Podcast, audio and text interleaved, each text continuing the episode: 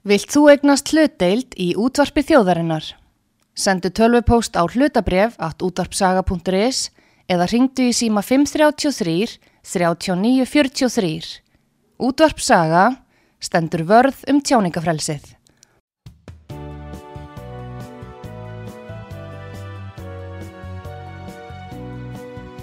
Síðdeðis útvarpið á útvarpisögu í umsjón Arnþróðar Kallstóttur.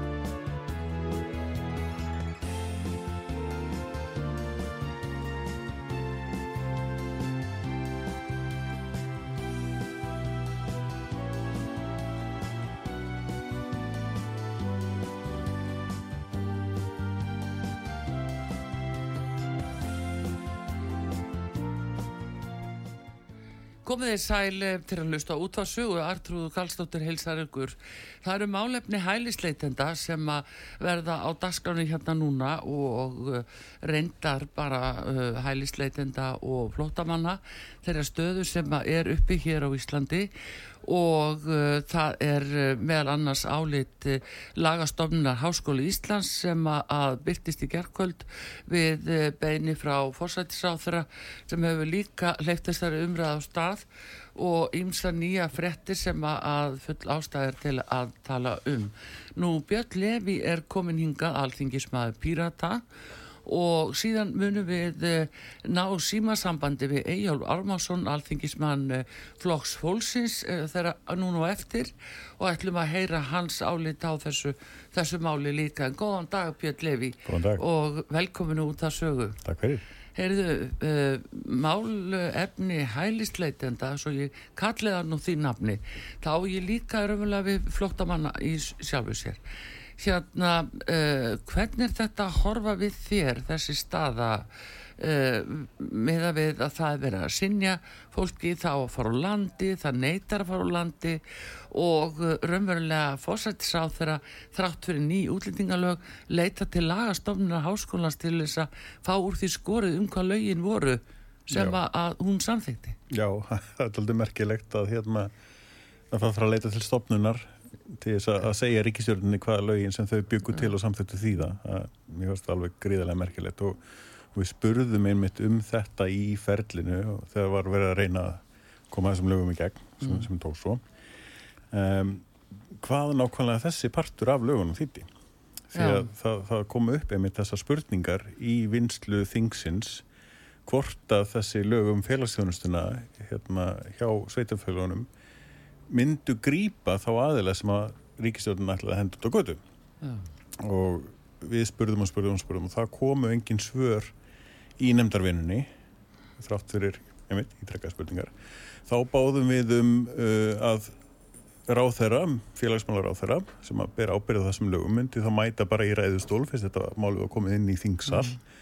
og hann mætti ekki og við kallum eftir hann og hann mætti ekki og, og ég heldum umræðanum áfram og áfram held hann ekki að mæta og svo loksins þegar að við vorum svona búin að spjalla ansi vel um þetta mál og fara vel yfir það því að það voru, það var mjög margt í þessum, þessum frumvarpi sem að bendi til þess að, að Ríkistjórnum vissi ekki alveg hvað hún var að gera.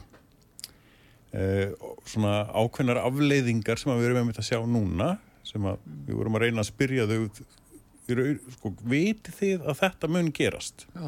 voru spurningar sem við spurðum þau og þegar svona líða fór á umræðina þá fengum við loksins fund með ríkistjóðanflokkunum mm.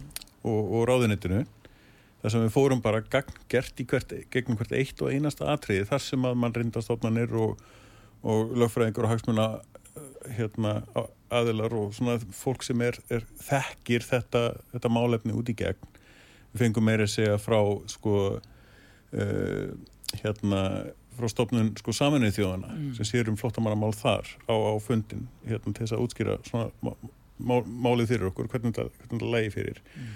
og þar fengum við staðfestingu á því að stjórnvöld vissu að þetta yrðu afleðinganar Já, var því svara skipt Því var, því var bara þau svöruð það skipt. Við, við spurjum ráðendið þetta er það sem stendur hérna þetta verða afleðinganar ekki satt Svarið var já, við lítum á alla nefndarmenn meiri hlutans sem að þá kinga kolli og þú veist já, við vitum að þetta er svona.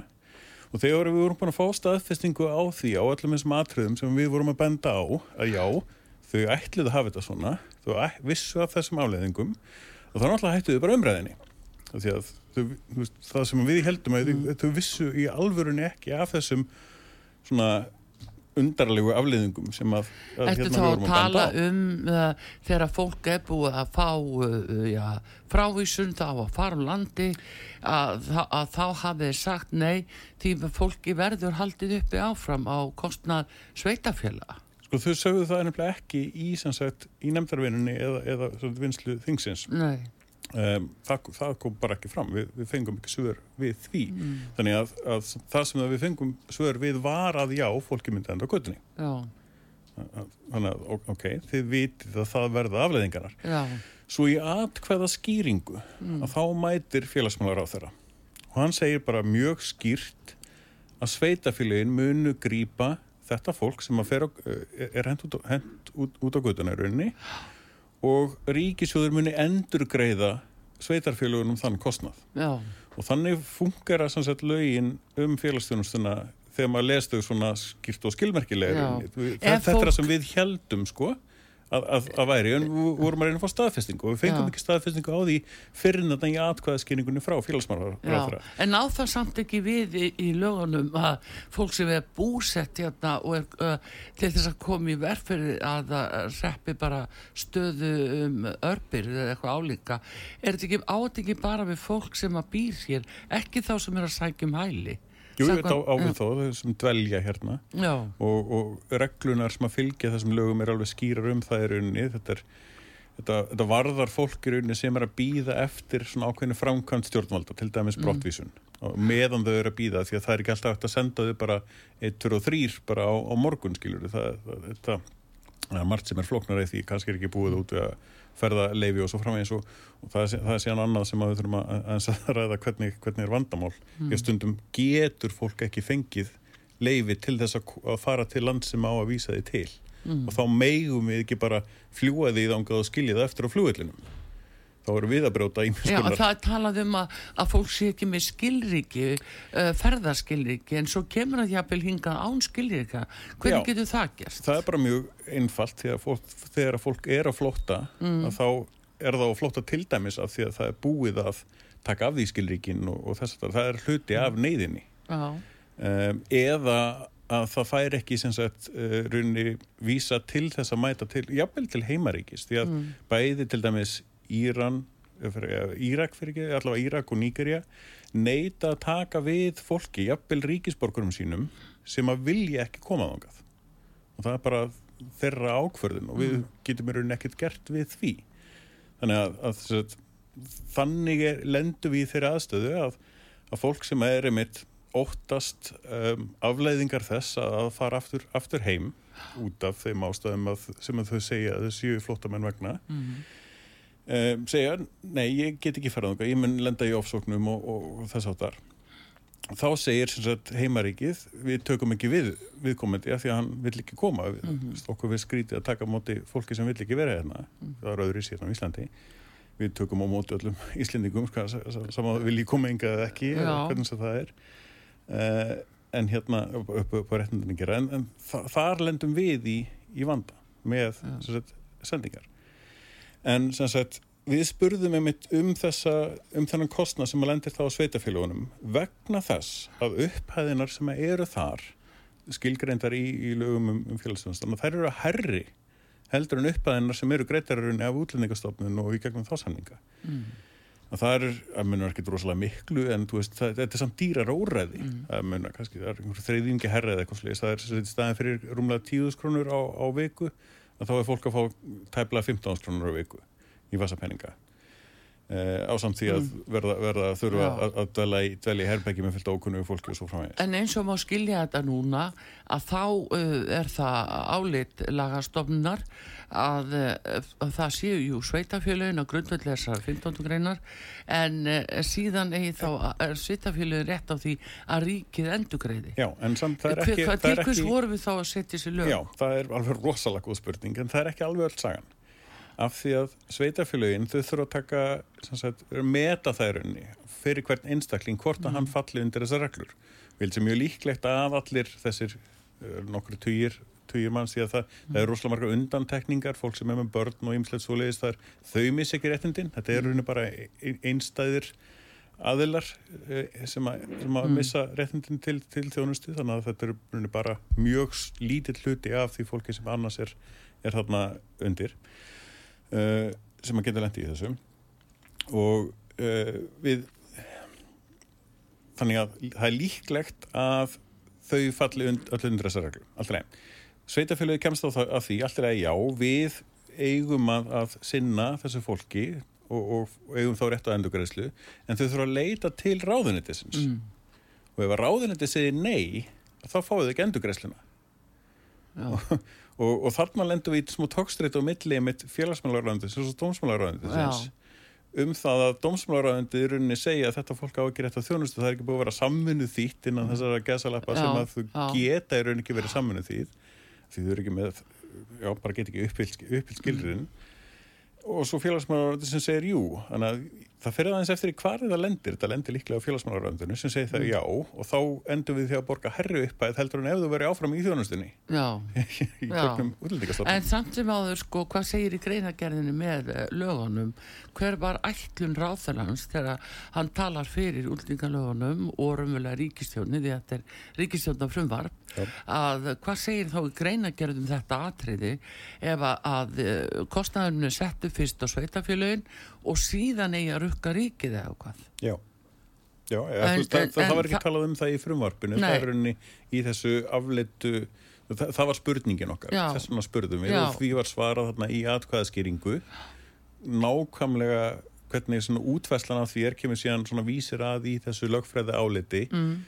Það er ekki alveg nægilega skýrt en það er ekki alveg og þess vegna eru einhverjar viðræður í gangi núna á milli ríkis og sveitafélaga sem að það var eiginlega stilla til friðar þarna. Já, já, kom, komst en, ekki nýðurstaða í það. Nei, en þá hefur dósmálar á þeirra sagt alveg afgerandi að, eh, að, hérna, að fólkjú uh, eh, það eigi að fara í brottvísun uh, og því standi þessi aðstótt til bóða eða sé í samfunnufúst mm -hmm. og þá fá það 450.000 krónir til að koma sér úr landi.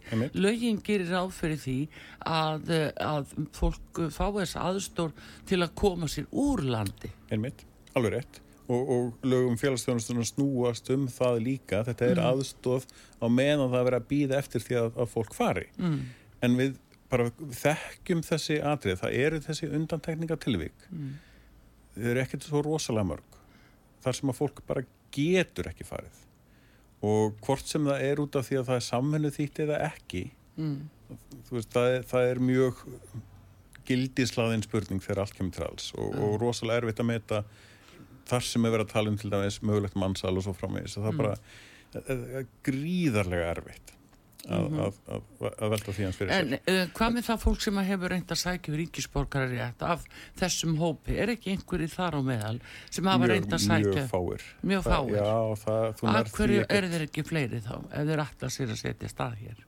Þau eru ekkit endilega að sækjast eftir því, þau eru að sækjast eftir vernd mm -hmm. samkvæmt bara öllum mannréttindum og, og flóttamanna sáttmálum og svo framvegð sem við höfum gert og þessi, þessi vernd sem að fólk fær, hún er alveg mist tímabundin, einu upp í fjórum árum þá svona aðeins eftir hvað, mm -hmm. hvað, hvers konar vernd fólk, fólk fær. Og það er ekki fyrir en eftir það er unni sem að fólk getur kannski farið að segja um ríkisborgarétt á einhvern, einhvern svona gálegan hátt allavega. En, en, en það eru jú, viss, vissulega undantekninga Já, einhverju hafa sótt um uh, ríkisborgarétt af þessum aðlum en, en fengi sinjun Já, það er það er, sko það eru mjög undarleg tilfelli í rauninni sem að falla í, í mjög þröngar glöfur í öllu þessu ferli. Akkur er undarleg? Það er, sko, það, almennt séð er það einmitt útlendingastofnun sem sér um mm. uh, að, að afgreða sagt, ríkisborgara réttar umsóknir. Mm -hmm. Og við getum bara einfallega ekki búið til lög sem nær utanum öll möguleg til, uh, undantekningatilfelli það eru alls konar skringilegur vankantar sem fólk getur regist á bara því einhver fekk sko, stuðum og kannski á hratt skilur einu snið fyrir þreymur árum síðan einhver list ára þá, þá er samkvæmt lagana bókstaf er, er, er það eitthvað sem að kannski veldur því að fólk fara nei en er það í alvörunni sangjant nú þarf og þá, þá, þá tekur þingið oft til, til kast, sinna kasta og fer yfir svoleiðis skrítin tilfelli Já. og segir já þó að þetta sé ekki alveg eftir forskrift lagana að þá er það veist, samkvæmt andalagana að veita eða hafna. En nú er það samt svo þegar fólk sækir um ríksborgararétt að þá e, þarf að leita eftir e, umsögn frá lauruglu og vottorði þaðan.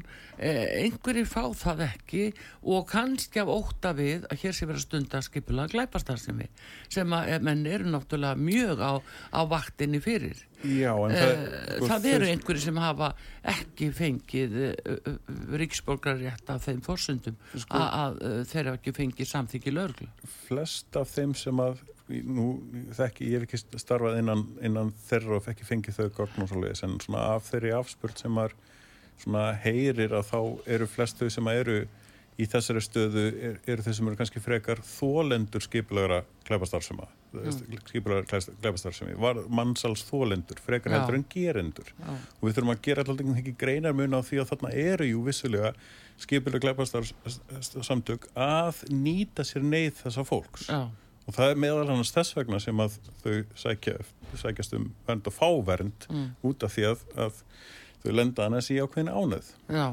Eh, við skulum, eh, hérna, Björn Levi, eh, þingmaða píratakestur hér á útarpi sögu. Við ætlum að heyri Eyjálfi Ármarsinni, eh, hann er hér á línunni, þingmaður Flokks Fólksins. Góðan dag, Eyjálfur Já, Ármarsson. sælvistu, bóst að heyri ykkur. Sæl og blessaður. Heyrðu, Björn Levi er hér og ég ætla nú að, að fá okkur til að tala saman en hérna, eh, mér langar nú að spyrja þig hver eru þín viðbröð við þessum tíðindum að, frá þessu áliti sem að kom í gerkvöld frá lagastofnun og, og þannig á að skilja þetta sem svo að lagastofnun háskólans eh, sé komin inn í löggjöfuna og, og lög, hérna, laga setningavaldi á Íslandi.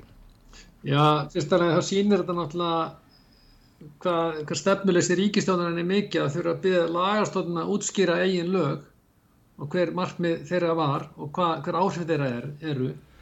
En það breyti ekki að lagastofnun, þetta er bara svo lögmannstofa, þetta er, þetta er keift álit frá ríkistjóninni frá forstur ráðherra og það er nú þekkt, í þessum eh, business að það, þú býtur ekki höndur sem fæði þannig að ég taldi enga líkur að því að það kemi álið sem gengi gegn vilja ríkistofnunar nei. og það lága við fyrir og á þessum tími, ég, ég lesi þetta álið það er ákveðni gallar þar, er mjög sérst að þið nota, nota til þess nefndarálit við lögin um breytingu á lögum útlendinga til að tólka ákvæði um laga um, um félagstjónustu og svo notaði líka stjórnarskar ákvæði til að tólka lögin mm. ég vildi að þannig að lögin þurfa að vera í samræmi við stjórnarskrána þannig, að það er út af það sem þetta gengur unnverð alls saman og það er það og það lág fyrir og þetta, þetta atvik sem er núna komið það, fólk sem er á vergangi og í örbyrð það var alveg vita að máli það myndi gerast.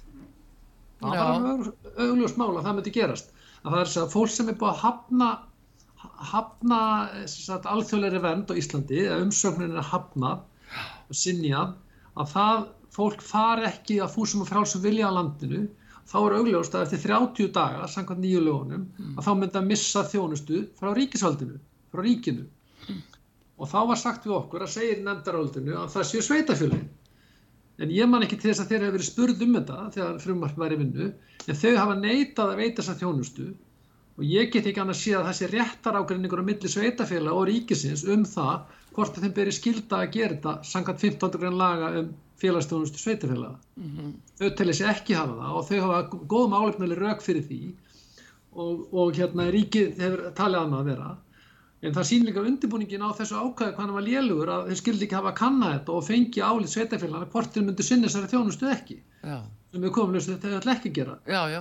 og e ef að, er þetta líka ef að sveitafélagunum ber skildi til að gera það og þá var til að dómstóla sem ákveða það og ég trúi ekki önnur að sveitafélagin fara með þetta fyrir dómstóla eða segja það við, við höldum okkar lögfráliti eða okkar skoðum sem er mjög, mjög, mjög ve- vel í grundu líka að þá er það, hverju var það ekki, ekki sveitafélagin að sjá um þetta fólki uppaði já. fólk kemur til landsins, sendir hann um svo ríkið sér um fólkið. Ríkið að- elur fólkinu um, veitir um grunn þjónustu veitir um ákveðna þjónustu. Já, og svo ætlar allt í einu ríkið að hætta því. Það og segja bara, nei, sveitafélagin sjáum við þá. Það get ég ekki skilir sveitafélagin eða þá sjáum við þetta fólk frá upphæðu allan tíman og það er rétt að það er dýrari, dýrari þjónustu sem sveitafélagin félagin hafi en ríkið og, og ég, ég mér finnst sveit, ríkist og ég tel að, að forstyrraður er greinlega komin í algjörun hút með þetta en ég tel hins vegar að útspil tilur dómsmarraðra um að veita takmarkaða þjónustu, að veita þjónustu og það hafi verið rétt útspil og það er náttúrulega undir það alltaf er það hvort að ríkið sé að brjóta 77. grunn stjórnarskránar mm. eða 3. grunn mannréttarsáttmála Európu um það að allir eigi rétt samkvæmt lögum að fá að ekki að falla í örbur. Já. Það er það sem er alltaf undir. Það var alveg vitað að þetta myndi gerast og afleggingar eru núna komið ljós og, og það breytir því ekki að, að það þegar er búið að sinja, sinja hérna, fólki hérna, alþjóðlir vend að það að hafa ykkur afleggingar. Það var ekki talið réttlætanlegt að það fengi áfram fulla þjónustu. Það var, sko, að, þá, þá var spurningið það, hvað þarf að gera. Það er þvingu brottverðan undir og, og það er alveg hárjætt sem er, er, er það að sömur, og það er líka í Danmark og öðru ríkjum, sömur get ekki, það er ekki hægt að fara með fólki á landi. Já. Þau eru árum samið í svona lokuðum búðum, eða detentions, eða lokaða búðir, það er bara ákveðna búðir sem bóðu upp á þjónustuna. En er það eitthvað sem það okkur fara. vantar hér? Segirðu? vantar okkur einhverja lokaða búðir þá hér með við það sem er að gerast? önnur, ríki hafa það, Holland hefur það, það fyrir dómur í, í Strasbourg, mannréttardómstóla Evrópu, um svipað atvik og þá sagði dómurinn að það væri búðin upp á þjónustu í Closed Detention Center, Mm. í lokuðum búðum. En, en ég er ekki að segja að, ég meina, núna ætla ríki greinlega að fara að bjóða þessu þjónustu, eða þá neyða sveitafélagin til þess, þannig að við erum þá, það er að vera að bjóða upp á þjónustuna. En þetta er algjörlega óásættanlegt að þetta sé ekki, sé raunverulega ekki á hreinu frá ríkistjórnni hvað þeir voru að gera. Nei. Lagastofnun er bara, þetta er bara álit og þetta er bara skoðun lögfræðins sem er vinni, vinni á lagastofnun. Þetta er mjög, ég var þetta gaggrinn það mjög öðvöldlega eins og ég var að gera á það. já.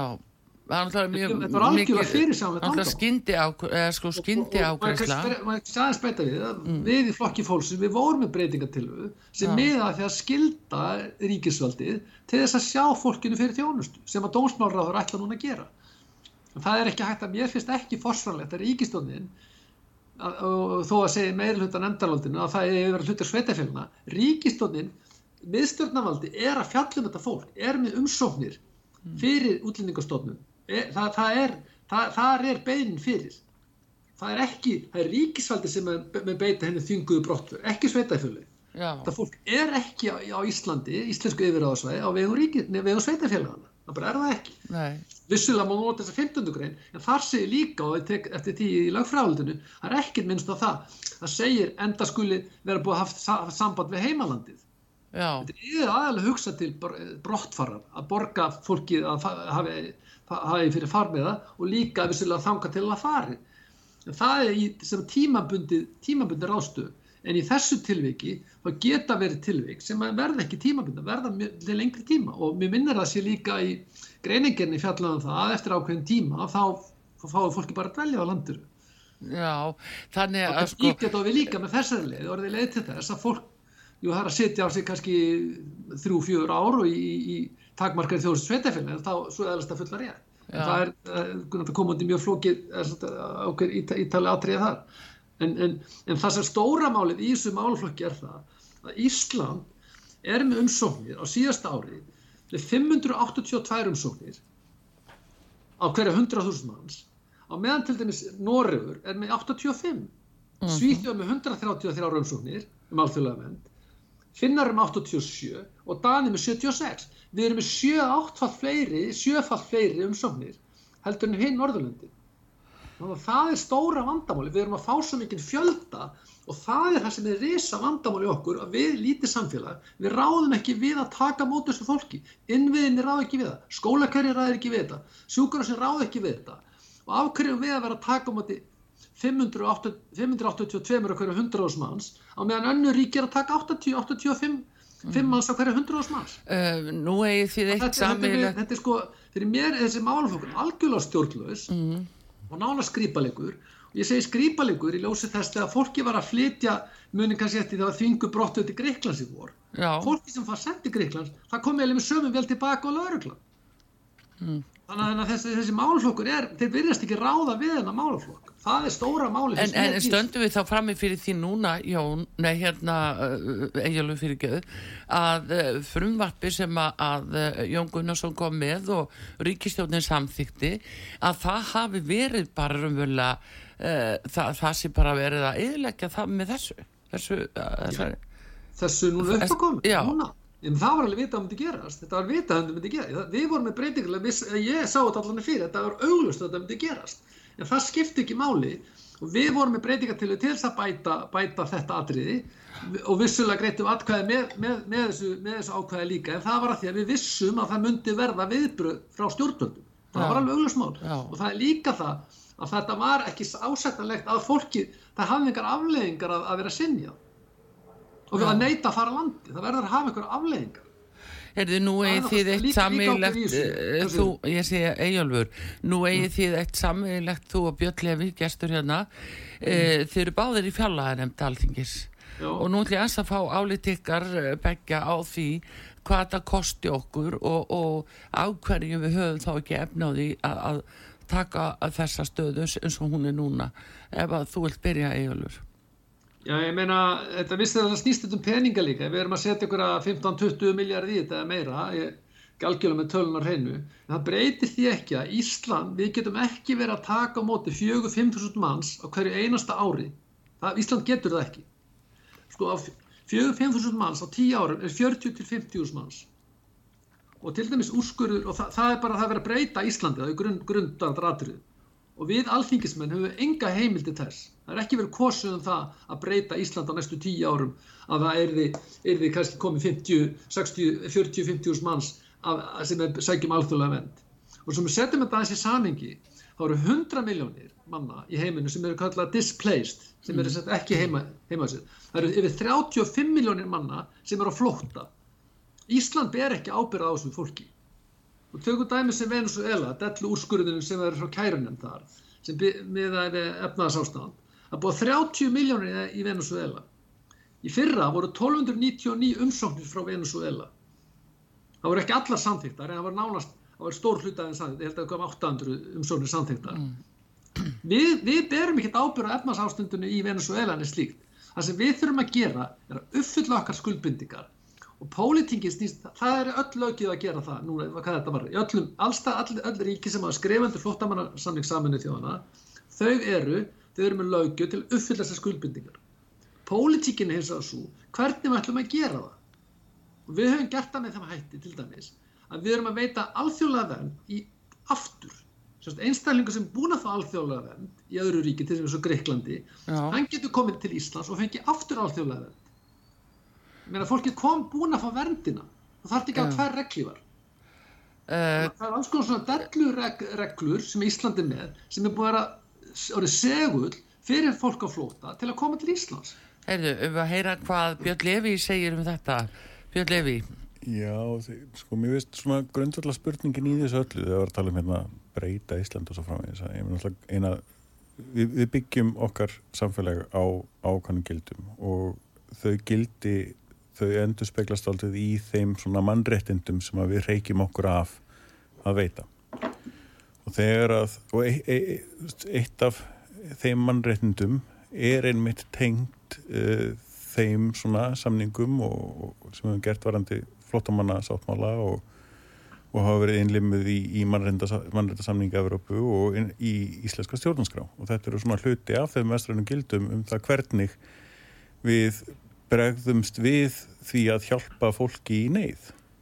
Og það má fara með þetta út í kristingildi mér að segja og, og allarleið í biblíina og ímislegt svoleiðist og ég svo, þreytist nú sjaldan á að segja að það, það skiptir nú ekki, ekki máli hvort það sé ykkur trúileg hérna, tengsl þar á bakvið og þá myndi ég vilja spyrja bara þegar að það er stendur manneskja fyrir, fyrir fram að þig sem að uppfyllir þessi skilirði um að teljast vera flottamæður og hefur þá rétt mannréttindi eh, samkvæmt okkar gildum að að, að fá þá vernd sem að Íslensk stjórnarskrá hviður áum.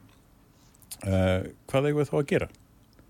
Eigum við ekki að fylgja þeim mannreitndum og eigum við ekki að standa við það sem við segjum?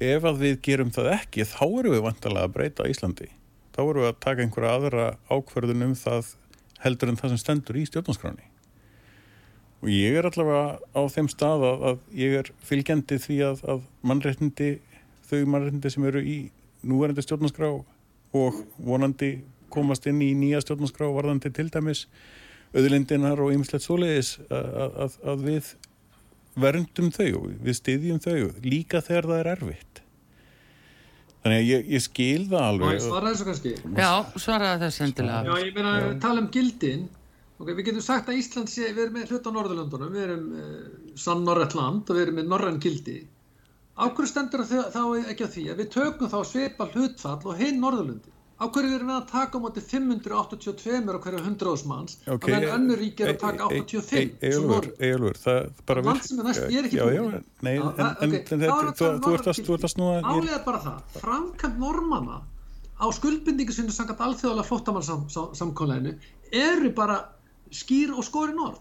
Við erum sem segið með töfaldavend, við erum alls konar ákvæð sem eru þvæla málinu, þvæli sem málinn fyrir okkur. Við erum með þess að úrskurð, þennan úrskurð frá Venezuela sem byggir einfallega efnarsástandi, hárreglæpatíni, óhreinu vatni og öðru slíku í Venezuela.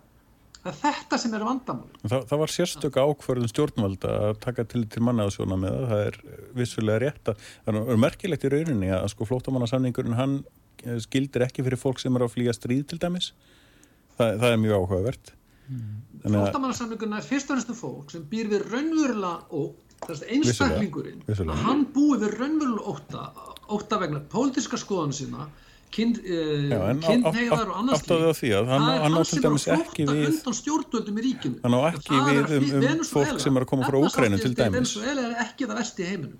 það, það er auka ákvörðun er ákvörðun umfram sem sagt flóttamannasamningin að taka við fólki frá Úkrænu, þau myndu Já, það er almennt kollektív ákvörðun út að stríði. Evrópu sem við erum hluta Og það var- það var sama ákvörðun. Þetta er ríki sem snýra NATO og er framtíðar ESB-ríki. það var sama ákvörðun sem var tekin vegna Venezuela það var ekki, ekki ekki Guð, hjá Guð, þér. Guðlugur þó sem tók þá, þá Það ákvörðun byggir á kæ- úrskurði kærunefndar. Nei, nei, nei, nei, það gerist setna það er fyrst Já, já, tekin skal bara fara yfir ákvörðun Það er er fyrst úrskurðin með 232 frá, 1900, frá 2022 Það seinna. fjallar um það að þeir hleypa fólki úr Venezuela út á slæmi efnarsástandi. nei, það, það, það, er- við erum er ekki að bæta efnarsástandi í Venezuela með að taka á móti þessu fólki kollektíft. Það- Við erum ekki að gera það. þetta er ekki rétt hjá þér Eyjólfur það, er sem, er gerðist ég, veit alveg hvernig úrskurðurinn er en það sem gerðist á undan var ákvörðun stjórnvalda síðan í framhaldinu þá koma sem sagt fleiri sem að er, er síðan hafnað en úrskurðin fjallar þá um að það sé ekki hægt að hafna þeim út af fyrri ákvörðun stjórnvalda. Það, er til þess að, að, að hérna, dekka yfir jafnbreið þannig að það var ákvörðun stjórnvalda áður eldri ákvörðun sem að gera það verkum að það er ekki hægt að, að hérna, brjóta á jafnbreiði þeirra sem koma setna. Þessi ákvörðun kærunefndar byggjar á því að einstaklingur kærir sinjun á beinið um það að fá alþjóðlega vend sem er ákvörðun stjórnvalda. Það stjórnvald segja nei, þú fær ekki komin í landið. Hann kæri til kærunefndar. að Þar fær hann úrlaust mála sinna og er samþýtt á grundulega þess að það er efnasástandi í ríkjunni svo slæm. Það er það sem er líkur undir hérna, er Og við erum að taka á móti hlutvarslega Við erum að taka jafn mikið, þessar umsóknir í fyrra voru 1300. Það er jafn mikið- að bandaríkjarnu hefði sótt um 1,3 miljónir manna. Menna fyrir Já. mér er þetta bara skrýpalegur. Var, maður spyr, maður spyr samt alveg ná, á tekið á nákvæm móti þessum fjölda. Það er aðal atrið og það breytir íslensku samfélagi til langframa. Vona Björn gætu Levi við- Gunnarsson skilji það. Ef við við fáum að því á 10 árum 40-50 manna mannsjan inn í landi ha, sem er að við erum að veita alþjóðlega vend. Getum við Það er tekið nóg á að móti taka, öllum, 35 öllum miljónir á flótta. Eyjólfur, Hvað segirðu, get, Björn? getum við tekið á móti öllum Íslendingum sem búa Erlendis eða myndu koma á næstu tíu árum? Umræðan snýst ekki um það, umræðan snýst um það, Nei, uppfylla það- skuldbindningar allþjóða flóttamannasamning saminuð þjóðana. Nei, nei, þetta snýst um, um sem sagt, umfang og, og getur til þess að taka við fólki. Ekki það, það er það sem þú ert að segja. Já, ég, vi- ég sko, málið er bara þetta, ég, ég segi það nákvæmlega þessu, ég er núna er í varaformaður alls við mentamálnetta, tók það þessu umræðu. Ég veit ekki hver stefna pírata er í þessu máli. Ég veit ekki hver stefna viðristnar er í þessu Samt máli. Ég veit ekki heldur hver stefna Pírata er. Nema það, ég heyri pírata talum, þá tala þeir um opin landamæri. Það tala eins og þeir vilji opin landamæri, hafa Það allar er opni engin að tala um opin landamæri hvergi í heiminum. Það er stefna pírata. Þið bara vil ekki segja það. Og núna segir þessi Þeir stefna pírata vilja þátt fyrir að rétt á hann að þú eru sagt að þú eru ekki vita hver hún væri. Ég er búin að segja þetta Ég margótt við þig, Ég get ekki skilið hver hún er önnur en það að sé opin landamæri. það er bara ekki rétt. Já, hvað viltu taka mútið mörgum á landi? Hvað telur það eðlilegt að Ísland Okay, taka mútið mörgum fyrst, flóttamennum fyrst, á fyrst að þú spyr þeirra spurninga þá lítur þú að vera búin að pæla í því hversu mörgum er þetta að taka Ég við. skal svara það. Ég er búin að svara það nú tvisessunum. Ég tel að við við tökum á móti svona 85 á, á hverja 100 100 manns. Ok, en þá næsti er 87 kemur og hann uppfyllir allt skilir en alltaf að segja tel að við hefum að gera þetta nákvæmlega svo hinn Norðurlöndin og við hefum ekki verið með skrýpareglur eins og það að veita tvöfaldarverð. Æ- ætti Grikkland að taka á móti- móti jafnmörgum? Taka á móti Venezuela, þess að efnaðsástæðist er slæmt. Við erum ekki að bæta ástandi í Venezuela með að taka á móti 100 manna frá Venezuela. Við erum ekki að bæta ástandi í neinu ríki með að taka á móti öllu þessu fólki. Egilur, Það var það algjörður hinn. ætti Við erum að taka á móti fólki sem býrði raunverulega óg vegna stjórnmálaskoðana sinna. Ætti Grikkland að taka móti 85 af, af hverjum 100.000 eða Ítalía? Ég er búin að sæja mína. Af hverju getur þú ekki sagt hvað við erum að taka móti mörgum að Ég hverjum ég- 100 ég- ég er- ég er að búin að segja reyna mín. átt- ég er að Hvernig verður ég er þú að reyna að gerð? átta mig á, á, á svarinu og afleiðingunum af því. Nei, ég spyr þið núna, maður svara mér, ég, hversu það, það, mörgum það, það, það, það kemur að það- það, það kemur, ég er að að átta mig á svarinu af því ég skil það ekki alveg hvernig það á að virka En, en, en Björn Levi, hvað viljið þið pírata segi, menna, taka á móti mörgum til dæmi. dæmis á ári? Um ákveðin stjórnvalda. Já, sko, vandamálið þar er, þetta er, er, er innfall, það er alveg rétt og þetta er vandamál um, sem sagt, aðstöðu. Mm. hvaða aðstöðu, sem sagt, og umfang aðstöðuna sem við höfum hérna, eh, hversu marg, sko, ef það koma 100 ásta morgun, þá er, það er alveg ljóst að við höfum ekki húsaskjól fyrir alltaf fólk, hvort sem að Ja, það eru, 35 milljónir, hvort sem það er, hvort sem það er fólk frá Noregi eða, eða Íslendingar sem búa Erlendis eða, eða hverjir það eru, það skiptir engum máli hvernig, hvernig það fólk lítur út. Við, það er bara einfallega ekki húsaskjól og við þurfum húsaskjól til þess að geta seint fólki. Og það er áskorunar efni stjórnvalda og búið að vera það heil lengi hvernig ástandið er húsnæðismálum og álægi þar, þar er ekki vegna er langt, langt í frá það er vegna ferðarþjónustunar einna aðalega, það er rauninni vegna þess að við erum í alvörunni með opin landamæri gagvart öllum sem eru á EES-svæðinu það eru 500 miljón mann sem gætu komið hérna á morgun og enginn gæti, og enginn gæti Ég segja það, sagt er neyðar, neitt. neyðarhemmar í Schengen samkomulæðinu sem Ísland geti greipið til að loka landamærum sínum. Danir hafa beitt þessu beitt þessu árið 2015 að- þeir myndu algjörlega geta gert það. Og það er, og það er annað sem að þú hefur ekki búin að svara mér ennþá. Hvað er hæfulegu fjölda Íslendingar takja á móti sem að flóttamennum? Um það snýst þessu umræða. Það snýst Já, um um- fjölda. Við værum um- ekki í þessu umræðu.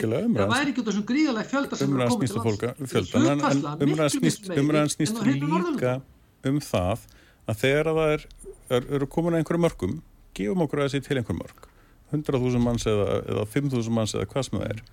Hvað gerur þegar að uh, pluss einn mætir hérna og uppfyllir öll skilirðin hver, hver, hver, hvert verður svarið þitt við, við þann einstakling Ég botni ekki í þessar umræðu sko. Ég meina, Af við erum með Venezuela skilur hérna ekki þessu 800, umræðu? 900 Þetta er er búið- umræða. Það búið 4400 manns í Vestmanni Við erum að taka móti svona cirka þessi ekki 4000 manns ári er að jafn mikið á Vestmanni Við þurfum Sko- að ala önn fyrir öllu þessu fólki þúsundum manna sem er að býða úrlega sinna mála Við getum ekki haldið sko. áfram að sömu, en- verkferð sem við erum að gera en er getum ekki tekið á móti 582 ég, ég á ætla hverju bara, 100 ég ætla manns á bara, ári. Við getum það ætla bara að fullverða að það mun ekki gerast. En, en eh, Björn Lefi, liggur það fyrir hva, hvaða stefnu hafið þið pírata til dæmis í því?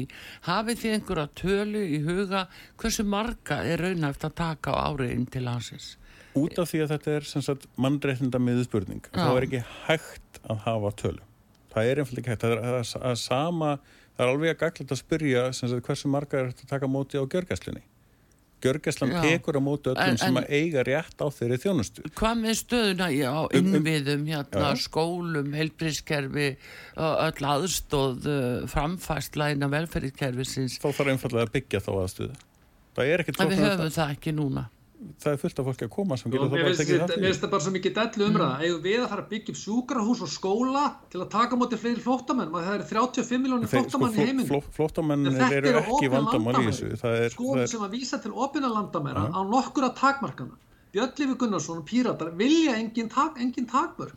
við, það sem við þurfum að gera er að uppfylla skuldbinding okkar sangat flótamannsamkomleginu við þurfum að hafa bremsur þar til að koma veg fyrir að við, við, við, bara, við séum að taka á móti miklu fleiri, fleiri okay. fólki fleira fólki heldur en annu ríki. Það er það sem við erum hver, að gera hvernig getur þú, þú segist það vilja píratar vil ekki hafa neina takmarkanir.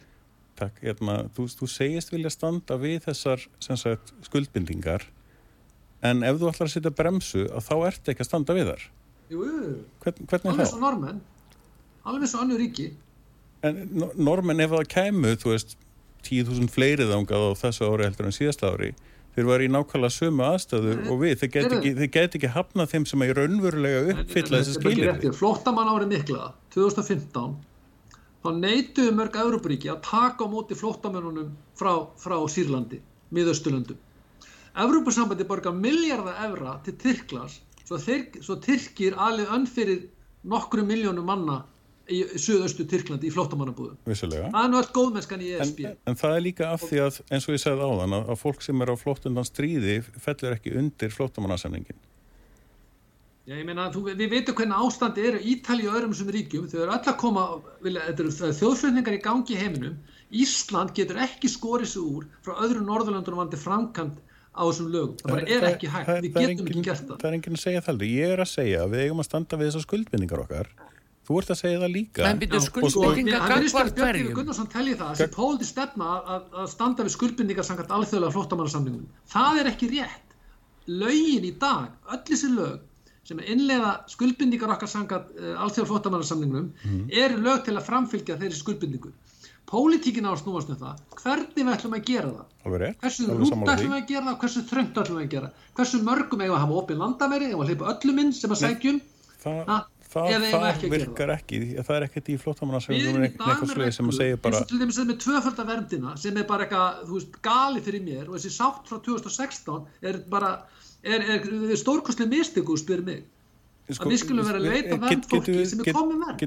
hverju við að gera veita fólki vernd sem er komið vernd? Það er ekki það er reglívar og við erum að skipta okkur að hvernig önnu ríki er að framkama eins og grekki er önnu ríki það bara varður okkur ekki, við getum verið um allan heim og fundið það lélega framkvæmt á hvernig tekja mútið flottamennum ekki. Við erum að taka mútið fólki sem þar er raunverulega alþjóðlega vernd. Alveg, alveg 100% samanlega því. við að taka mútið fólki sem er þegar komið alþjóðlega vernd? Af, af, af, af því að í ríkjum eins og í, í Greiklandi að þar hefur verið vara við því að senda fólk aftur þánga því að það fær ekki þá þjónustu sem að Eða við að fara að meta, á Íslanda fara að leggja dóm og það hvernig ástand er í Greiklandi Já, það, það er ekkert okkar hlutverk. Jú, það er það víst Þetta eru pólitískar ofsóknar í Greiklandi ég finnst þetta bara svo galin umræða að við, um að, við Íslandi við erum að fara að meta þegar það er svo slemt ástand hvernig tekja á móti fólki í Greiklandi og hinga á þanga í heiminu að við erum að taka á móti fólki sem er komið með alþjóðlega venn til öðrum ríkjum. þessi regla er ekki að uppfylla skuldbygga flottamannarsaminu þjóna þetta er ykkur auka regla sem annarkvært er Íslandi að reyna að vera best í heimi eitthvað svo leist,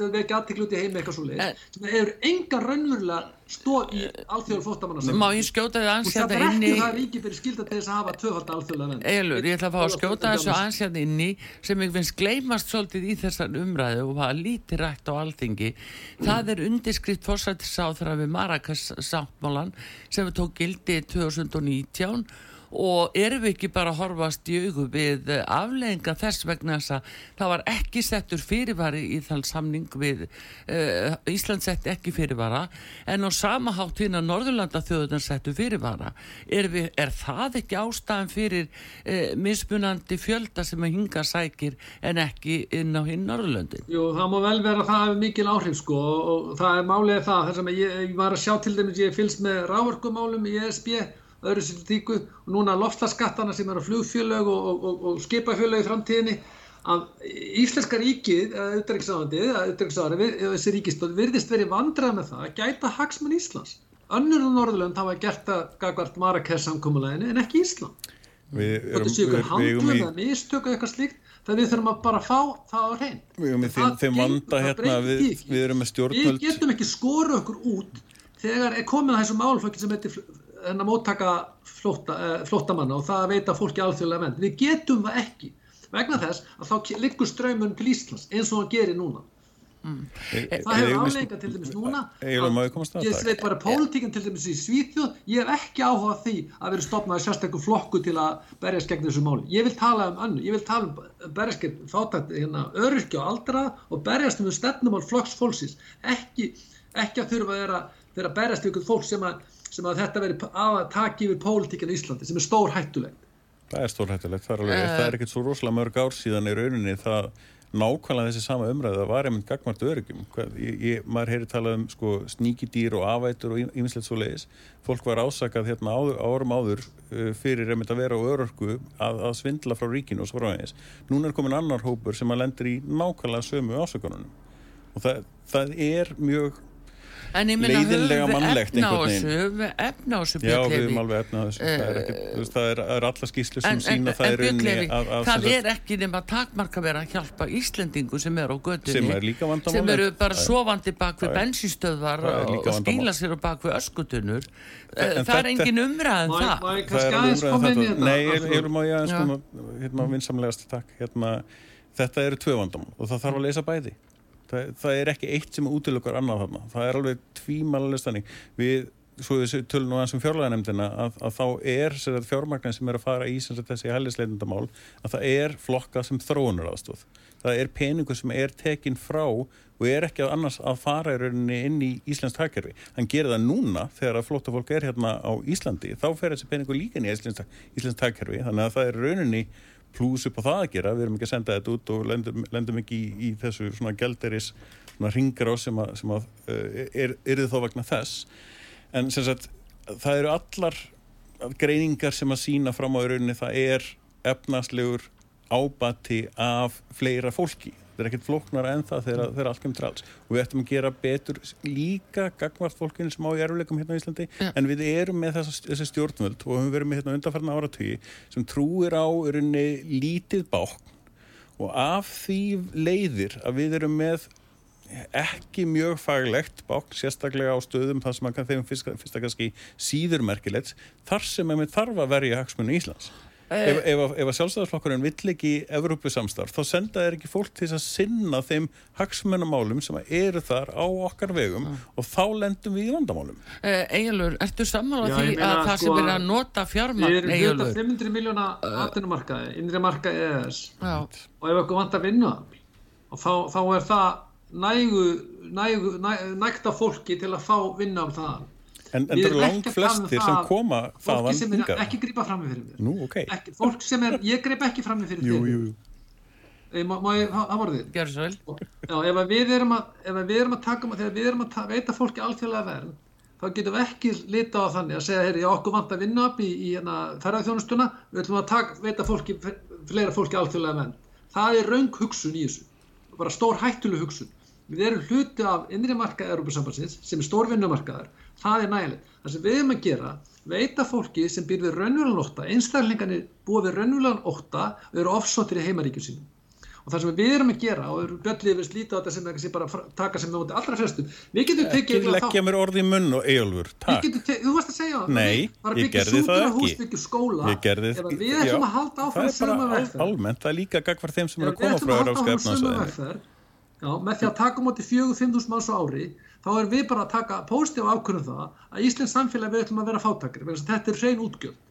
Já, en, en Egilur, ertu sammála þá er það ekki að starfa, þá er ekki að vinna. Nei, en Egilur Við ætlum að segja fyrir fæði, klæð og húsnæði. Já, en ertu Við erum að fara að reka sveitafélag sem að, styrk frá ríkinu sem er upp á svona fjögusmanns kannski Já, en ertu sammála Egilur minn, getur þú leift fólki að koma stað þegar það byrjar að tala? Egilur, ertu eh, hérna, sammála býtnum það að þeir fjármunni sem í þetta fara núna í þennan málaflokk að þetta sé byllinis partur á þróunahjálp þeir fjármunni sem hafa verið erðnamerktir og samþyktirinn og fjárlögum sem þróunahjálp Nei, þið myndi ekki telja það. Ég veit að þeir hafa gert það með Úkrænu Já, en ekki gagvart öðru Það er skilgeringar aðriðin alltaf, ég tel ekki það að fólk sem er sækjum al, alþjóðlega vend á Íslandi, það er ekki þróunihjálp eins og ég skilða. Ég hef ekki búin að skoða skilgeringar ná, ná, nægilega vel, mm. en, en ég, ég held að þessi skilgeringar aðriðin skiptir ekki máli. Það skiptir máli að þetta eru útgjöld, þetta eru nett og útgjöld fyrir ríkisjón. Það er það sem er máli. Hvert fara þessu útgjöld? Þau fara náttúrulega að útbygga fólki húsnaði og fæði og lífsöðvari, alveg og núna, fólki sem er á vergangi, það þarf einhver aðlæðið önn til að koma vekk fyrir að lendi örbir, það er útgjöld og það er til dæmis þetta er áhrif á húsnæðismarkaði. Maður heyri frettur Reykjanesbæ og hafnafyrðu þessum, þessum sveitafjöluðum sem reynilega ráð ekki við þetta. Það er okkar, það er okkar vandamál, við, þetta er heimatilbúið vandamál. Og sveitafjölu sem er ekki mjög sterk. Við ráðum bara ekki við þetta og þetta, þetta, þetta, þetta leigumarkaðurinn, þetta hækkar verða húsnæði hjá öðrum. Við erum bara, við erum að taka pósitífa ákvörðum það að setja útgjöld í þetta og það, það, það sá peningur fyrir ekki annað. Svo einfalt er það. Fjöldin Já. þar er vegna bæði ferðamanna og fólk sem er að koma að vinna við ferðarþjónustuna. Þar er stóri fjöldin sem er að valda álægi á húsnæðiskerfið. Já, það er eitt sem ég langar nú bara að þetta... Tala með það, tala með það leikumarka, það húsnæðis, við, við, með hvernig kerfið við þá þarf að útbeða þessu húsnæði á almenni leikumarkaði. Já. Já, það eru margir sem búa sko, með öðrum ókunnugu fólki í sama herbergi. Er ekki, er ekki aðstæða sem býður upp nein, fyrir neina aðra. Ég meina það breyti ekki. Björnliði Gunnarsson er ekki búin að svara því hversu mörgum hann telur að við eigum að taka á móti hvað er að setja takmörk. þegar hann gerir það ekki þá er hann að tala fyrir því að við eigum ekki að hafa neinn takmörk. Það er rátt má ég það svara því spurningi minn svarið mitt í, í því liggur að þegar það kemur manneskja hinga til, hinga til lands sem að uppfyllir öll þessi skilir sem þú ert líka að tala um Eða, þú veist, getum við sagt nei Mm. Ef að Við sem kemur frá Gríklandi komum alþjóðavend veitum aftur alþjóðavend þú það snúa snúa út sem segði Þetta er einföld spurning Þetta er ekki fólk sem er fellur þú skilgjörningu alþjóðalega flóttamannasamningsins.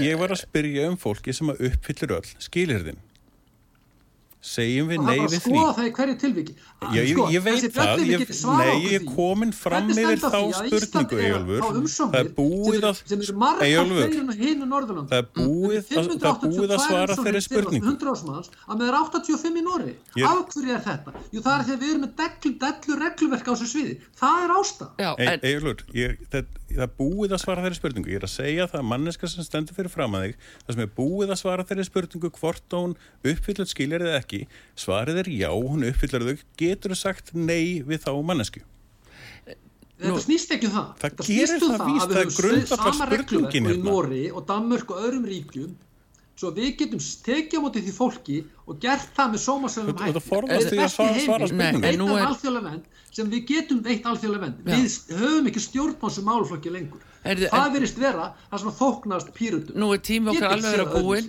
en uh, herramenn, uh, Eyjálfur og Björn Levi, alþingismenn hér báðir sitjandi í fjálaða nefnd uh, það kom fram hérna á en ég ætla bara að spyrja ykkur á síðustu sem kemur nú svolítið úr annari átt en það breytir ekki því það liggur á mörgum íslendingu núna að þú talaður um það núna áðan Eyjálfur nefndir að það var verið að breyta Íslandi og þetta er svona setning sem heyrist hjá fjölmörgu núna þessa dagana án þess að það sé kannski nána skilgreint. Hvaða skýringu hafi því og því og hvaða áhrif hefur það á að fórsættisráð þeirra landsins eh, sé í eh, já hún er með stöðu contributors hjá eh, World Economic Forum og hún er núna orðin sendi herra hjá World Economic, nei hjá HÚ, Alþjóða heilbyrðismálastofnunni eh, hvaða áhrif hefur þetta á eh, landi hérna á stjórn landsins? Er þið tilbúin að svara þessu? Engin áhrif Ég er tilbúin að svara þessu. Ha, Já, engin áhrif segir Björn Levi Nei. Já, ég, það sem er að gerast núna mm. ef við munum taka moti fjöðus manns á ári og taka moti 7, 6, 7, 7, 8 sinnum fleiri en hinn Norðurlöndin segjum við tökum móti, ég sagði þetta á hann, við tökum móti 4.000 ári, það eru 40.000 á 10 árum, við tökum móti 5.000 ári, það eru 50.000, við erum komið 50.000 mann, mann sem er að veita alþjóðlega vend. Það er ekki það að breyta sko. Íslandi. Það mun gera það, það er alveg klárt mál og spurningin þessi, viljum við það, viljum við það ekki? Það er það sem að verðist ekki skipta suma stjórnmálflokkar neinum máli, yeah. þetta er bara að vera opin landamæri, taka móti öllum, og vera eitthvað, svo bara á þetta að hafa sinn gang eins og lagst þess að þetta fer ju alltaf einhvern veginn á endunum, það breyði ekki ég vil það ekki, ég er ekki áhuga að standa því. Og alveg íslendinga í nú er ekki kosið er ekki umbúð frá þjóðinni til þess að gera þessar breytingar á samfélaginu. Egilur, er fósættis á þeirra að sækja þessar hugmynda, hugmyndafræði eh, til ælendara stofnaða? Ég veit ekki, ég, ég veit bara hins að henni líður mjög vel í, á NATO-fundunum með Jens Stoltenberg þrátt verið að hún sé yfirlistur anstæðingu NATO. Og þessi, þessi hún á útlönd, þetta er eiginlega hálf broslegt orðið. Hvað hva, hva þetta með útlönd er, er, henni finnst gaman að við ferðast um heiminn og meðan, meðan og, svo, og svo er hann að tala um fjölbyrdileikan á Íslandi varandi, varandi, varandi fólk. Við erum með núna með þegar yfir 18% er hérna, erlendi ríkisborgar á Íslandi Þið geta farið upp 20-30% innan skams, mjög skams. Það fær ekkert aðtunni í næstu kostningum. Nei, það er að við viljum að fjölbyrdilega. Hvað er það að taka frá fleiri ríkjum heldur að Venezuela? Það, við getum ekki bara að tekja fólk frá Venezuela, við hljóttum að fara að önnu ríki til þess að fá fjölbyrdilega. Það stýst ekki um fjölbyrdilega. Það stýst um að standa, standa skuldbyrdingar sakað flóttamannasammingi saminuð þjóðana. Það hefur við ekki að gera með nægilega tryggum og örugum hætti. Við erum ekki að fara, þennum norrænu gildum þar. Já, Heyrðu, nú, er, tíma okkar alveg búinn en hérna ég vil þakka okkur kella fyrir Ejálfur Ármarsson alþingismadur Flóks Fólksins og Björn Levi Gunnarsson frá Píratum alþingismadur Pírata. Bestu þakki fyrir að koma inga til okkar út á sögu og ræða þessi mál og við hverjum því Ejálfur líka sömulegis og þakka fyrir. innlega fyrir. Takk Já, takk fyrir. Heyrðu, við verum bara að ljúka þessu. Aftur bestu þakkir og Artrúð Kallstóttir hver eru ekkur taknum aður í útsendingunni Bræði Reynisson veriði sæl